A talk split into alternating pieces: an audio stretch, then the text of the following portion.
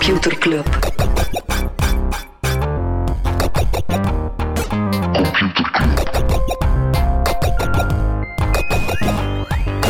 Computer Computer Club. Hey Smolly, Hey Freddy, welkom. Welkom terug. welkom. Welkom bij Computer Club, een wekelijkse podcast over technologie.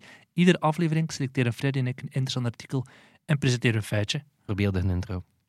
Wat? Verbeeldige intro. Zo zou het moeten zijn, maar zo is het helaas zelden. Freddy, wij hebben, eh, er is heel veel nieuws gebeurd in de wereld van technologie, maar we gaan niet alles bespreken. hè. Wat ga, waar gaan we het niet over hebben? Eh, goh, het is, eh, het is zo, ja, zoals, zoals eh, elk kwartaal. Het is zo'n beetje beurs, beursweek. Mhm. Heel veel techbedrijven uh, communiceren hun omzet. Goh, het vermaalde waard misschien. Apple voor het eerst meer dan 100 miljard omzet in een kwartaal. 111, supermooi getal. Eh, blijkbaar zou elk toestel eh, deed beter dan de verwachting. iPhone 12, succes. eh, door meerdere vormfactoren, zeker in China. Eh, daar zijn ze wel fan van eh, 5G en grote schermen. Dus, ja. Ja. Voilà. En ook, ook het vermaalde waard, maar daar ga ik straks op terugkomen. Facebook. ehm, ja, de spreidstand tussen Facebook, het evil bedrijf die de wereld kapot maakt, en Facebook, dat een zeer lucratief bedrijf is, Ja. is extreem groot. Ja, 33% meer omzet voor het laatste kwartaal. Alright. Ja, dat is wel zot, hè. Wie er ook in een rijtje giganten past is Google. En eh, Google die heeft 2,59 miljoen dollar betaald aan 5000 huidige en voormalige werknemers ehm, voor systematische discriminatie, een beetje te, ja, zo, met de mantel der liefde te bedekken. Ze hebben bijvoorbeeld aan Met mantel 2500... der cash. Ja, de mantel der cash. Ze hebben aan 2000... Krachtige mantel. Krachtige Hey, mantel. mijn zin afronden. Ze hebben dan 2500 vrouwelijke werknemers eh, ongeveer 500 dollar betaald. Ik weet niet wat ze ermee wil bewijzen van punt, maar wat. Het is een soort boete die ze moesten betalen. Daarnaast heeft Google... Ooit, Smolly, ooit, Wat, hè? hè, als we zelf rijk worden met Computerclub, dan ga ik u ook bedekken met de mantel der cashliefde. Ja, voor, elke keer dat ik u 5 onder- voor elke keer dat ik u onderbroken heb. dat mag een hele dikke mantel worden. veel vrienden van de show nodig hebben. Dan wordt een zwaartedeken aan briefjes van 500 euro. Freddy, Google gaat ook niet langer eigen Stadia-games ontwikkelen. Ze sluiten de studio intern die daarmee bezig is. maar dat betekent nog niet meteen dat Stadio wordt Nee, nee, het wordt, het wordt Stadia wordt ja, gewoon. Stadia. Maar boeit, Amazon was ook al zwaar aan het zuisen. eh, die hadden zelf twee games. Dat, was, dat ging zo slecht dat ze zelf twee games terug uit de store moeten halen hebben, omdat het zo, eh, zo slecht was. Ja. Ai, ai, ai. Ik vind, dat, wel- ik vind dat wel heel interessant, omdat je als je al die evoluties van die techbedrijven ziet, dan denk je die kunnen alles. Amazon, Google. Maar dan zie je dat ja, games ontwikkelen wel... eh, Ja. Dat dat nog niet hetzelfde... Niet gewoon daar veel geld tegenaan smijten, dat is geen, geen garantie op succes. Ehm, nog- ik, ga ze bied vertellen waarom ik heb veel non-nieuws. Nog eentje dat ik ga vermelden. Eh, het gaat, eh, Europa hinkt achter op vlak van de 5G-uitrol. Eh, studie gebeurt en de, dat ging eind september. Zou 24% van de Europeanen toegang hebben tot 5G. Maar vergelijkbaar in Amerika is dat 76%. In de meeste Azische landen is dat de 90% of zo. Het is Amai. ja, wel pijnlijk, want de Europe- Europese Commissie had echt gezegd ja, we gaan een voorloper zijn op 5G. En Mhm. ja, bon. Dus eh, toch. Toch niet. niet. Freddy, nog iets waar we het niet over gaan hebben. Revue nieuwsbrieven. We hebben het vorige week gehad. De review is opgekocht door Twitter. Het gaat daar heel hard. Twitter heeft in de webversie van Twitter zelf al meteen een knop geïntegreerd voor nieuwsbrieven. Dat je verwezen wordt naar review, waar je dus nieuwsbrief kan maken en die dan kan koppelen naar je Twitter-account. Echt eh, met de bedoeling van enerzijds daar ja, een, een soort nieuwe business van te maken. Hè. Ja. Waarom vermeld je dat, Freddy? Ja, wel, laat ons nu zeggen, wat als... Stel dat je een podcast doet Ja. en je kiest elke week twee artikels waarvan dat je zegt, hier wil ik, eh, hier wil ik wel wat diepte aan geven, maar je denkt, ik wil mensen ook wel zo wat het nieuws meegeven, Mhm. kort. Ja. Maar wat als die rubriek ja, elke week Langer wordt. toch langer wordt? Ja, Dan- een nieuwsbrief. Dan maak je een nieuwsbrief. Hè. Freddy, we hebben een nieuwsbrief sinds vorige week. En dat gaat eigenlijk best goed. We hebben dan een soft lounge, zo heet Een dat dan in de sector. ja, maar de mensen die naar de podcast luisteren, die de nieuwsbrief willen ontvangen, dat kan door je in te schrijven op... Nieuwsbrief.computerclub.online. Voilà. Nee, ik vertaal, ik heb gecheckt, Smolly. Dus in de tijd dat ik u ochtends stuurde. hey Smolly, al die show notes die wij hebben, Ja. dat zou toch super makkelijk zijn om daar een nieuwsbrief van te maken. En de eerste nieuwsbrief die klaar stond en jij die de aankondiging deed, 12 uur. Ja. Vooral ook omdat Ja, hij zei, eh, hou er volgende keer beginnen. Toen zei ik, waarom doe je niet gewoon morgen al? Hoppa, bam, snel gaan, move Kijk, fast, hier. break things. Ga je, de- ga je een moeilijk woord vinden? Agility. Agility, voilà, kijk, Voilà. computerclub, super, super agile. Echt, alstublieft. Eh, nee, nee, nee, maar echt. eh, het is, eh, dus ja, we zijn super, eh, super eh, benieuwd. Echt cool. Toch al redelijk veel mensen die, Ja. eh, die zich ingeschreven hebben. En verspreid eh, het woord, zoals dat Jezus ooit zei. Voilà, dus er is eh, heel wat nieuws deze week die we daar ook gaan eh, pluggen. Ik vind dat het moet nog echt ambitieus zijn. Er is Ja. een wildgroei aan nieuwsbrieven, maar dit wordt De beste. de beste. Voilà. Watch your... eh, ik weet niet wat, eh, um, HLN... Watch your spam filters. Watch your want daar komen ze waarschijnlijk wel in Voilà. terecht. Freddy, heb je dat gehoord? Dat is de vierde muur die gesloopt werd. Toen we deze aflevering aan het opnemen waren, eh, was Jeffke, G, J, Bezos nog niet opgestapt als de CEO van Amazon. Dat is eh, zo net wel gebeurd. Maar zowel in het clubhuis als in de nieuwsbrief gaan we dieper ingaan op dat nieuws. Allee, ik ga je er maar naar Murken eh, terug verder opmetselen. Hè. Veel plezier met de rest van de aflevering. Freddy, ik heb ook een artikel gelezen dat niet in de nieuwsbrief komt, dat we hier even de tijd voor gaan nemen. Dat gaat over een emoji. En niet zomaar een emoji, dat ga ik zoiets zeggen. Maar ja, je weet natuurlijk, een emoji is zo'n tof, of altijd een lachend geel gezichtje of een lachend kaksken is of zo.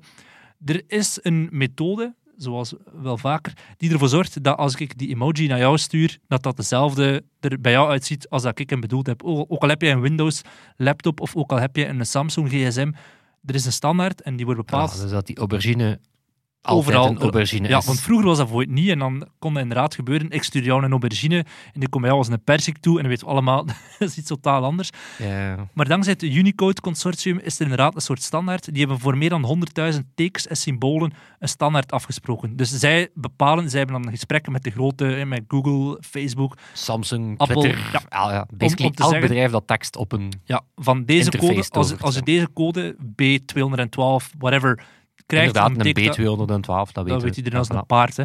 Ehm, ze hebben heel veel macht, uiteraard. Hè, want zij gaan ook kunnen bepalen. Want stel dat er een land is in Afrika met een heel specifiek alfabet. Een, een volksstam die eh, op dit moment nog niet verbonden is met het internet. Ja, de Unicode Consortium kan eigenlijk zeggen van ja of nee, van dit nieuwe is geen alfabet. taal. Ja, dit is inderdaad een alfabet dat nog niet, het Arabisch schrift of het Chinees of het whatever, Koreaans. Ehm, zij bepalen eigenlijk wie dat er gedigitaliseerd mag worden of niet. Er zijn een aantal regels rond, specifiek rond emojis. Als je een nieuwe emoji, als jij een idee hebt voor een nieuwe emoji, dan moet je een aanvraag doen. Dan moet je echt een soort documentje schrijven van 10, 15 pagina's, waarin je aantoont van kijk, dat gaat echt wel veel gebruikt worden. Er is een potentieel dat er veel gebruikt gaat worden. En het moet herkenbaar zijn op een klein formaat. Je moet een soort design voorstellen. Ja, het moet ook een bepaald het moet een universaliteit hebben ook. Allee, Ja. zo... Ja, ja, en het mag ook nog niet kunnen ver- verwoord worden met een andere emoji. Als je zegt van deze emotie die ik heb, en heel veel mensen herkennen die emotie, nostalgie bijvoorbeeld. Stel je zegt wil een emotie die nostalgie, eh, een emoji die nostalgie samenvat, dan moet je kunnen zeggen, zij kunnen dan bijvoorbeeld zeggen, ja, maar eigenlijk kan dat perfect met dat lachend kakske, bij wijze van spreken. En je merkt, de voorbije jaren heeft het emoji of het Unicode Consortium heel zwaar ingezet op diversiteit. Eh, vrouw met een hoofddoek, andere huidskleuren, androgyne figuren, anders geaarde mensen. Ehm, Unicode Consortium bepaalt dit karakter moet er komen en daarna is het aan de grote spelers, Samsung, Facebook, whatever, die zeggen, die hun eigen designers, die dat een beetje Inderdaad, een beetje, ja. Gaan tweaken. En Ja. dat kan ook fout gaan. De iRoll emoji in Samsung bijvoorbeeld, die heeft heel lang een blij gezichtje gehad. Dus als jij een Apple smartphone had en je stuurt die iRoll emoji naar iemand van Samsung, dan krijgt hij een lachend gezichtje. Of andersom, iemand van Samsung die denkt, ja, deze emoji valt perfect samen, hoe blij ik ben. Die stuurt hem naar iemand, dan komt er bij een andere persoon uit als een iRoll emoji. Ja, dat kan wel fout gaan. Het kan wel vaker fout gaan. Ja, bijvoorbeeld het, het Ja, inderdaad, zoals ik herinner mij nog, het gedoe. Rond? het gedoe rond, eh, rond het eh, pistool. Ja, dat dan een waterpistool. Ja. werd. Dat was een heel Ja, politiek. dat dat was- was zo'n beetje ja, politieke statement. Ik denk zelf van Apple als eerste of... of Die zeiden van, we, gaan, we willen geen geweer, maar we gaan er een waterpistooltje van maken en dat mag er wel. Wel, er is een gelijkaardig geval gebeurd. Er is een heel mooi artikel in Logic Magazine die nog nergens anders aan bod is gekomen. Het was mij totaal aan het gaan. Ik weet ook niet wat dat echt een heisa is in de buitenwereld, maar er is een emoji van in een... de buitenwereld, echt. Alsof dat wij zo... Ja. Out there. In die kooi, die we nooit... Die, die we nooit verlaten, onze verlaten, gouden kooi. Een emoji van een hindoe-tempel. En je zou denken, ja, dat is logisch. Hè. Er is een kerk, er is een moskee, er is van alle religies wel al een, een symbool, een emoji. Van de hindoe-tempel nog niet. En er zijn dan een geïntroduceerd in 2019. En er is een bepaalde community heel hard gebackfired. Community waar wij zelf niet bij zitten, namelijk de Indiase moslim-community. Ik ga even een beetje geschiedenisles moeten doen. Stel je voor, we zitten in een geschiedenisles. Ik ben gaan terug- waar dat we gaan beginnen. We gaan naar India. een land waar dat de meerderheid, een ruime meerderheid van de mensen is Hindoestaans. 80% van de mensen is Hindoestaans. In 1992 is er iets heel erg gebeurd. Fundamentalistische eh Hindoes zijn van over heel de wereld, van over heel de wereld, vooral in India, van over heel India naar Ayodhya gekomen. Ik denk dat ik het juist uitspreek. Ayodhya, whatever. In die stad, daar hebben ze een, eh, een moskee die van de 16e eeuw eh, gebouwd was, de Babri Masjid, hebben ze vernield. En daarna zijn er rellen uitgebroken, zijn er 2000 moslims vermoord. En dat is een beetje ja, een, een, een keerpunt geweest in de geschiedenis van India. En die rellen die werden heel vaak aangestuurd door de RSS. En dat is een soort militaire organisatie, militaristische organisatie. Heel fundamentalistische, nationalistische, Hindoestaanse eh, mensen die daarin zitten. En die zeggen, ja, hun belangrijkste doel is één, dat die religie, Hindoeïsme, daar iets meer politiek van maken. En twee, eh, India een per definitie Hindoestaans land maken. Eh, de staatsgodsdienst die moet eh Hindoeïsme worden. En Modi, de huidige premier van India, is zelfs ooit lid geweest van die RSS. Om een beetje de context te schetsen, zij hebben op die plek waar dat die tempel stond, die, die, mos, eh, die moskee stond liever, zij zijn nu een tempel aan het bouwen. Een Hindoestaanse tempel, letterlijk op dezelfde plek. Dus symbolistisch, ah, dat is een heel grote symbolische waarde. En net op dat punt, dat, ze zijn nu bezig met die bouw van die tempel, komt die emoji van een hindoe-tempel. En die heeft twee zaken. Als je kijkt naar het design van die, van die emoji bij heel veel bedrijven, heeft die twee zaken die eigenlijk gewoon letterlijk verwijzen naar dat, naar de hindoe-fundamentalisme. Enerzijds de kleur safraan en anderzijds de vlag van de RSS. Dat is een heel specifieke vlag, met zo'n gespleten vlag, die in het eh, rood, of denk zelfs in het safraan, zo rood-oranje is. Voor op WhatsApp, Apple en Twitter zie je heel duidelijk, dat is die vlag van de RSS die daar wappert bovenop die hindoe-tempel-emoji. Ehm, bij Microsoft en bij Google is er dan weer geen vlag. Is gewoon een hindoe-tempel. Maar als je ook kijkt naar de tempel zelf op WhatsApp, is dat gewoon exact de tempel zoals ze hem aan het bouwen zijn daar op die plek die eigenlijk heel erg ter discussie staat. Als je, moest je gewoon googlen naar het concept Hindoe-tempel, dan zie je vaak heel andere tempels dan die ene tempel die bijvoorbeeld op WhatsApp op die emoji gebruikt wordt. Dat is echt wel vrijwel letterlijk die ene tempel die in India voor heel veel moslims toch wel een beetje eh, ja, een soort dolk in het hart zou zijn, moest je, moest je, dat, moest je dat zien. Hè. Een tempel, er is een moskee gewoon vernield, 2000 moslims zijn vermoord, ze bouwen daar nu een hindoe-tempel en de hindoe-tempel op de emoji op WhatsApp is gewoon letterlijk die tempel die ze daar bouwen, met de vlag van die organisatie die daar wappert van boven. In India wordt dat uiteraard al heel snel gebruikt door Dat is echt zo'n beetje dat je zo een emoji zou bedenken voor orde en netheid. En dat je daar dan een nazi-vlag of zo... Ja, eh, dat is, dat is misschien wat te extreem, want dat is gewoon echt heel letterlijk. Het is, heel, het is een beetje subtieler dan dat. Het is alsof dat je een emoji voor een toren zou maken en je zet er dan specifiek de ijzertoren op. En voor, ja, dat, dat zie je in India. Heel veel RSS-aanhangers die gaan gewoon letterlijk die Hindoe-tempel in hun, in hun nickname of whatever gaan zetten. Net zoals moesten een ijzertoren-emoji zijn, zouden heel veel Vlaams nationalistische mensen die in hun, in hun nicknames en gewoon heel vaak gaan gebruiken. Maar de buitenwereld, die ziet dat niet, die snapt dat misschien, die ziet die symboliek daarachter niet. Die denken, ah, dat is een Hindoe-tempel. Dus Hindoe die in België wonen, die denken, ah, ik ga gewoon deze emoji gebruiken. Net alsof dat moest je in, in, Pakistan wonen en je ziet een toren-emoji en dat is de ijzertoren. Je weet dat niet. Je zegt gewoon, ah, ga dit gebruiken als symbool voor de toren. Waarmee dat je ook gewoon, ja, dat zegt de auteur van dat stuk dan, ja, zo normaliseer je uiteraard die, die, die toch wel vrij Ja, ik denk dat het een mooi fundamentalistische- voorbeeld is van zo'n... Ja, misschien, ik ben wel benieuwd hoe bedoeld of onbedoeld dat, dat is. Ja, dat is inderdaad de vraag. wel echt, Het is, wel het echt onbedoeld, subtiel, maar zo, hè. het is, het is ja, krachtig symboliek. hè. Ja, zeker als je die vlag ziet. Allee, die, die, die RSS, dat is nu gewoon een beetje gemeen goed geworden. Net zoals dat er ja, onder de, de schild en vrienden ook wel heel fundamentalistische ondertoon zit. Dat is bij die RSS ook. De premier was zelf ook ooit lid ervan. Maar je weet het inderdaad niet. Dus het toont wel heel hard aan van hoe moeilijk dat sommige debatten vandaag de dag zijn. Context het, is zo eh, belangrijk, maar Ja, ik had het, ik had het eh, super vergelijkbaar. Ik had een artikel gelezen over ja, een soort ja, culture wars op Wikipedia. mhm, En dat was ook specifiek uit, eh, uit India. En dat ging, ik denk, het ging, ik heb net opgezocht, het ging over een zinnetje, basically vertaald als Glory to Lord Rama. Hè, zo. mhm. En daar, dat ging dan over het feit dat daar toegevoegd werd van ja, dit wordt wel eens gebruikt als een soort war cry. Ja. Hè, zo van, dit wordt wel eens gebruikt door ja, hindoe-mobs die, Mhm. eh, die, moslim, eh, ja, die, die, die moslims dan verplichten om dat te, te scanderen. Ja.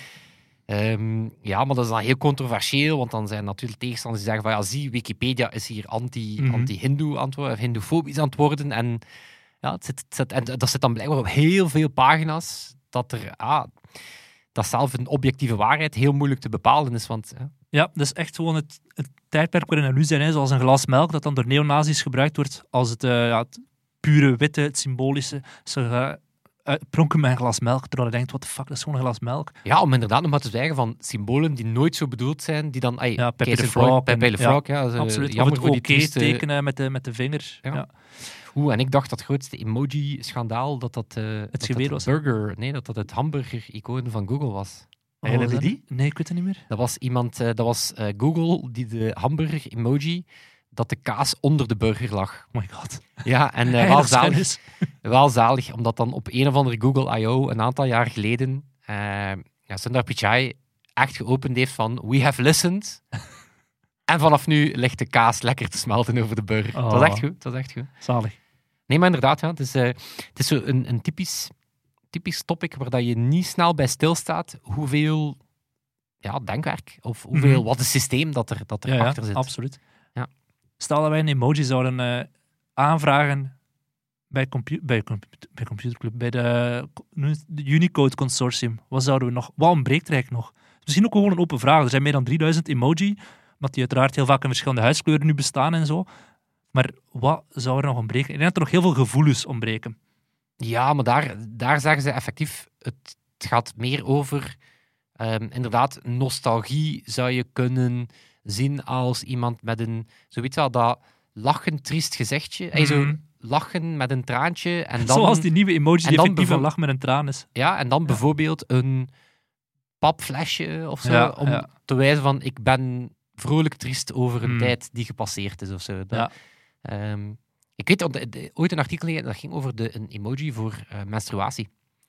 Eh, ook belangrijk in het, eh, in het normaliseren en het Mhm. taboe doorbreken daarvan. Maar daarvan zei de Unicode Foundation, "Goh, je kunt het ook met een druppeltje bloed en een kalender. Persik. Of een kalender. Ja. persik zou inderdaad misschien, maar ik denk dat de persik misschien een te geladen Ja. stuk fruit is geworden. Ja, dus De en otter, altijd eh, is zoveel ook- last van otter u. is ook een nieuw emoji en dat is in eh, sommige communities was dat heel eh, welkom.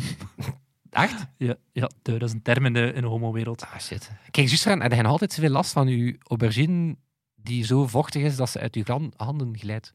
Soms Dat je mij soms inderdaad die aubergine met een handje en dan dat ja, druppelen en dan denk ik, Ja. ik, ja, mijn aubergines zijn ja, wel wat raar van textuur, maar ça va, maar bon, ja, ik weet Ja. niet, misschien ergens uh, Ik stuur dat wekelijks naar jou, maar Ja. er komt geen reactie op. Freddy, ik, eh, ja, het is tijd voor een beetje kennis. Het is tijd voor een beetje kennis. Ik ga hier een eh, jingle geven. Computerklas. Een niet polariserende jingle. Ehm, een beetje in de categorie emoji, iets waar dat je misschien nog nooit over nagedacht hebt. Eh, de, de Google Chrome browser, waarom noemt die Chrome? Van waar Het komt is de mooi blinkt, Chrome? zoals Chrome. Nee. Ik weet het niet.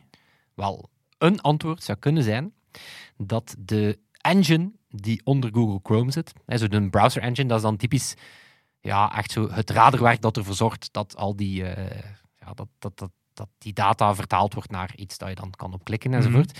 Ehm, die engine heet Chromium. En eh, niet alleen Google Chrome gebruikt die, maar ook Microsoft Edge. Nieuwe, nieuwe opvolger Ja. van Internet Explorer. Eh, Opera gebruikt die. Dus Chromium is ja, een, een standaard. Ehm, Safari gebruikt die niet. Die gebruiken Apple WebKit. Maar om het helemaal verwarrend te maken, Chromium is gebaseerd op WebKit. Wow. En alle iOS-browsers, dus ook Chrome, gebruiken WebKit. dat, dat dat moet van, van Apple. Eh, Firefox heeft ook een engine, bijvoorbeeld de Gecko Engine.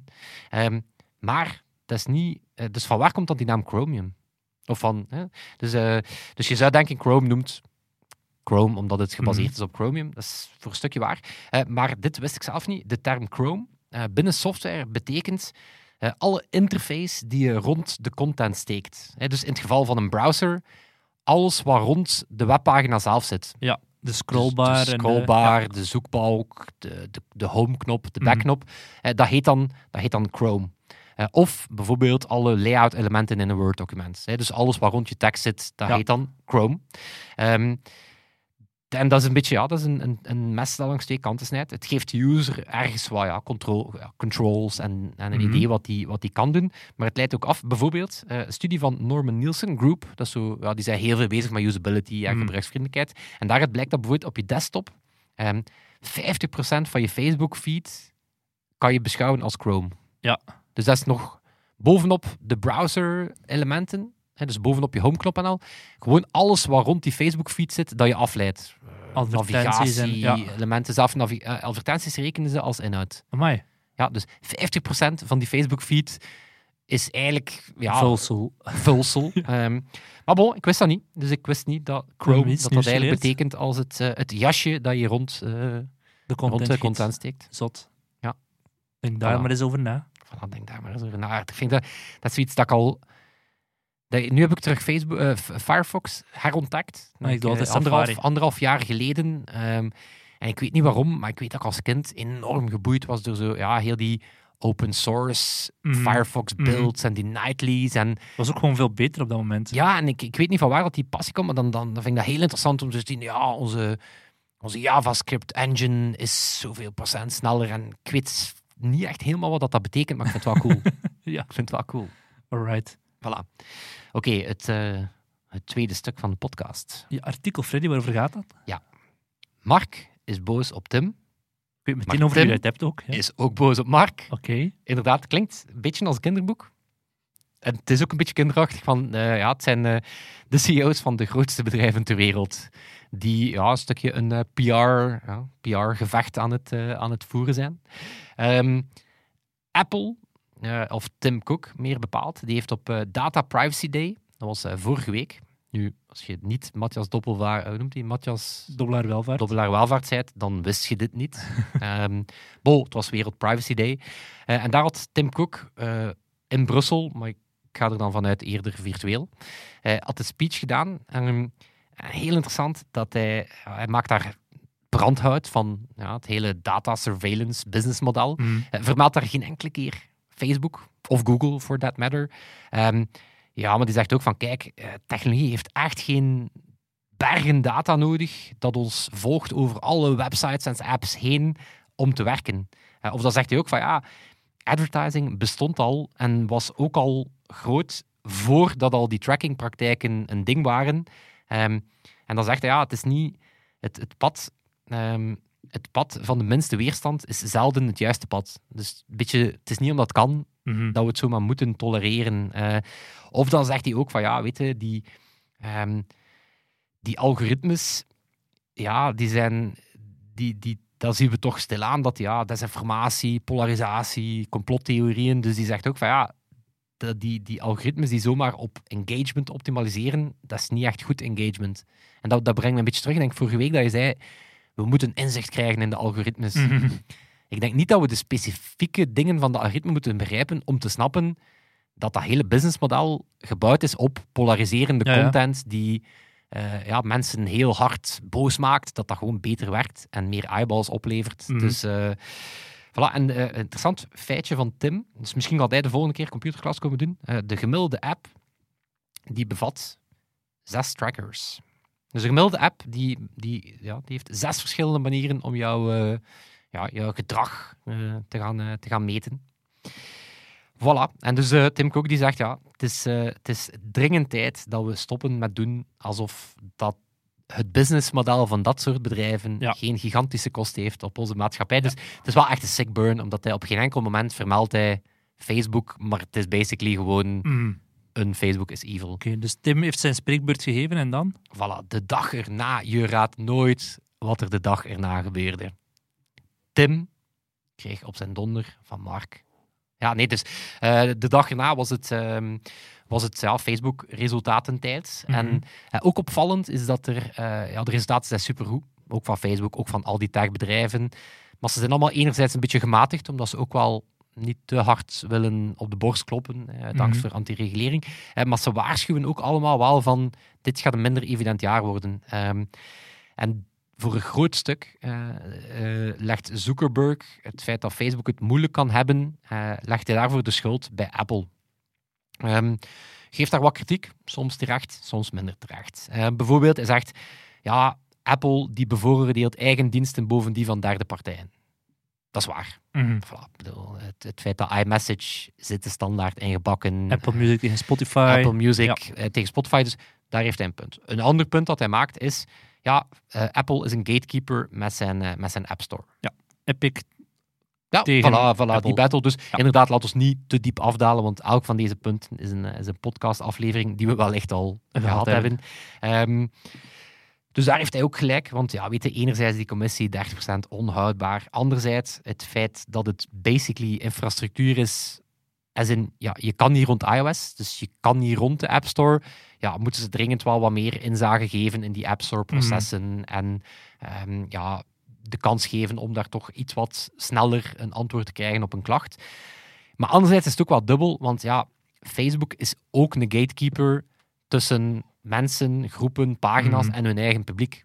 Als er nu één ding is dat Facebook bekend om staat, is het de reach van pagina's gaan afnemen, Ja. omdat je betalend zou gaan adverteren. Dus ik vind daar zo hoog, ehm, hoog pot verwijte ketel eh, gehalte. Ehm, en dan, en daar komt natuurlijk de echte klacht van, eh, van Zuckerberg, ja, ze maken ad-tracking kapot. En dat gaat dan over ja, het feit dat je vanaf iOS 14 een opt-in zal moeten geven aan een app Mhm. om die te mogen, hè, dat die jou mag gaan tracken. En dan zegt Zuckerberg, ja, ze zeggen wel dat het om privacy gaat, maar dat komt ook hun interesses het best uit. Ja, Mark. Ja, erg. hè. ja, ja.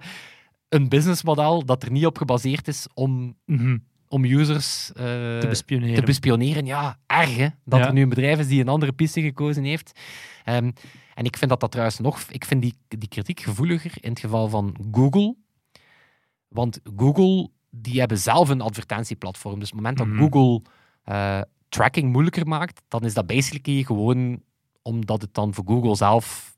eh, omdat je dan nog sneller bij Google Ja. moet. Hè, dat, dat, dat geeft aan het bedrijf. Terwijl, ja, Apple... Wat ze basically doen, is gewoon de opt-in zoals dat we die kennen, ook op het appmodel gaan loslaten. Mhm. Maar veel meer dan... ey, het is niet dat Apple daar echt met een... Ja, oké, er is een agenda dat, dat de Facebooks enzovoort wat pijn gaat doen, maar voor de rest is het niet... Het is niet dat Apple een, een advertentiemodel Nee, ernaast aan het zetten is. imago eh, vooral. Hè. Voilà, het is een Ja. imago. En oké, ze spelen op dat vlak wel slim door, door Mhm. heel sterk op die nagel te gaan, eh, te gaan kloppen. Ehm, maar vooral ook, de, het is een beetje klein, want eh, onderzoek van Financial Times ehm, die zegt het zal wel meevallen voor Facebook. Eén, het gaat enkel over cross-app tracking. Alles wat je in de Facebook-apps doet, Mhm. Tracken zij nog altijd. Op welke content dat jij klikt, op welke stories dat jij, dat jij comment, dat tracken ze nog altijd. Dus ehm, de eigen bestemmingen van Facebook lijden daar niet onder. Mhm. Ja, zo het advertentienetwerk voor derde partijen, dat is iets anders. En dan anderzijds, ehm, een studie van de Financial Times zegt dus, het risico het gaat rond 3%, eh, 3% van de omzet van Facebook of 5% van de omzet van Snapchat. En dat is wat er hier potentieel bedreigd kan worden, maar om dat in perspectief te zetten, omzet van Facebook volledig uit advertenties dus, eh, 84 miljard, Ja. met een winst van 29 miljard. Ik denk dat daar wel Kan er al een beetje af. Voilà, en dan ook bijvoorbeeld hè, de, de omzet. eh, we hadden het al over het kwartaalgroei van 33%. Jaar over jaar is dat 21%. Mhm. Dus de koek is nog altijd gigantisch. Ja. Dus ja, het is... eh, En dit is... eh, de Informer ontdekte dat eh, Facebook zowaar een antitrustzaak zou gaan aanspannen tegen Apple. En daarvan moeten mij echt uitleggen hoe dat dan niet de pot te verwijten is dat de ketel. En op welk principe dat je daar gelijk gaat krijgen. Als er één ding, het is zelf dom van Facebook. Mhm. Want opnieuw, wat Apple doet, is wat websites al zeer lang moeten doen. Ja. En eigenlijk wat, wat ook GDPR leert, is dat dat vooral een goede zaak is voor grote bedrijven. Ehm, en een laatste, een laatste ehm, is dat eh, Zuckerberg zegt, ja, ze zullen ook onze concurrent meer en meer gaan zijn, bijvoorbeeld over glasses. En dan ja. heeft hij over het feit dat, Ja, ja. en dat is wel een nieuwsfeitje, de, we hadden al de geruchten van Apple, ehm, er waren al wat lekken over hun auto, Mhm. potentieel productie met Hyundai, potentieel nieuwe batterij. Er zaten ook al geruchten over die high-end VR-bril, ook, ook vermeld. Eh, wel, eh, blijkbaar interessant, er zou daar nu de Senior Vice President Hardware, Da- Dan Riccio, ehm, om dat te kaderen, dat is letterlijk de man bij Apple die voor Tim Cook alle productie van iPhones, iPad, Mhm. Macs, AirPods, HomePods overziet. Eh, die gaat nu ehm, ja, een nieuw team gaan eh, leiden. Eh, en dan zijn opvolger John Turnus, eh, de man die onder andere de iPhone, de Mac, eh, de iPad, de M1 onder andere gemaakt heeft. Mhm. Dus ja, zo de rising star. Die gaat dat overnemen. Dus die, die Dan Riccio, ja, die gaat op een nieuw project gaan, gaan werken. Maar ja, tuurlijk zijn ze er mee. Ai, Apple Voilà, is maar nee, het het- rijkste bedrijf ter het wereld. Het zou maar dom zijn om het niet te doen. Hè? Ja, maar het wijst erop, die, die Dan Riccio was al betrokken. Ehm, die had onder andere al het AR- en VR-team onder zich. Mhm. Die was ook betrokken bij de eerste stappen van Project Titan, Ja. van die wagen. Maar het wijst er wel op dat er een project bij Apple van de R&D-fase naar productiefase gaat. Mhm. Dus dat, dat zegt iedereen. Het moment dat je dat soort luitenant Ja, daar zit. daar zet, dan, dan ja. Dus opnieuw, heel interessant, zal het een auto zijn waarvan ik me echt afvraag van wat die Apple in auto's te zoeken. Ehm, en zoals dat jij ook zegt, is de VR-markt groot genoeg? Mm. Dus ja, ben wel benieuwd, maar eh, mijn gok zal wel zijn dat een eh, VR-bril is. VR slash AR-bril Oké, zal zijn. ja. Voilà. Maar dus eh, het, eh, het wijst wel op dat Mark Zuckerberg daar wel gelijk heeft, dat, ehm, dat hij dat toch meer en meer ook een concurrent van Apple zal worden. Maar ook daar moet hij niet klagen, want de Oculus ehm, was eh, met voorsprong de grootste. Meer dan 1 miljoen Oculus Quest 2's verkocht in kwartaal 4. Mhm, Ik zag het. Heel Omdat cool. de kaderende PlayStation VR verkoopt er 125 miljoen. Ja, Ah, ja. 125.000. Ja, sorry. ik ging net zeggen, die waren nee, veel kleiner. Ja, ja. Voilà, dus, dus om wat te zeggen, Oculus is het ook niet slecht aan het doen. Nee, Dus om daar nu te zeggen van Apple gaat ons daar beconcurreren, ja, Ja. het is teken dat VR misschien een stap dichter is bij een ding zijn. Voilà, kijk. Freddy, dan zal het zijn. Nee, wie moeten wij nog bedanken? Ik ging hier al eh, zoals afronden. altijd, onze amigos, Sebastiaan, Toon, die deze week de edit doet. Onze vrienden van de show. yes. Ja, de mensen die onze, mensen die ons eh, nieuwjaarsgeld geven. nieuw, nieuwjaarsgeld geven. Eh, En natuurlijk ja, iedereen vanuit Computerclub. Eh, ook de mensen die onze nieuwsbrief volgen, zijn we wel, eh, zijn we wel zeer enthousiast over. Nieuwsbrief.computerclub.online. Eh ja, de nieuwtjes. Het zijn er een heel pak deze week, dus eh voilà. Kijk. Dus allemaal dingen die je nog niet hoorde in de aflevering, die hoor je in de nieuwsbrief. Die, Voilà. die lezen in de nieuwsbrief. Ja.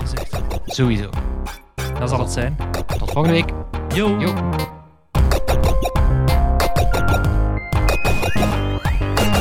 Computer Club.